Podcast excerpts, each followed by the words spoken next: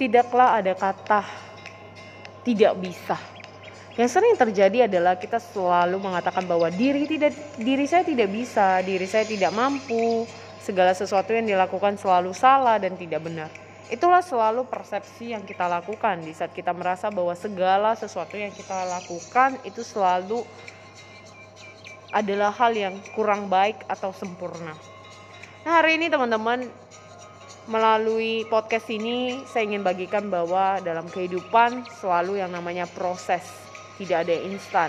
Kadang kita sebagai manusia kita berharap semuanya bisa berjalan mulus, berjalan dengan baik, namun kadang kita enggan untuk menikmati proses-proses yang ada sekalipun itu tidak mudah.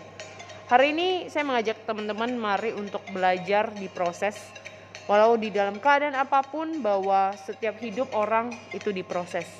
Orang yang sukses hari ini kita bisa melihat bagaimana latar belakang kehidupan mereka juga diproses, bukanlah hal yang mudah.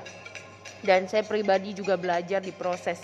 Di saat kita belajar menikmati proses, enjoy the process, kita akan menyadari bahwa kita akan naik ke level yang lebih baik lagi.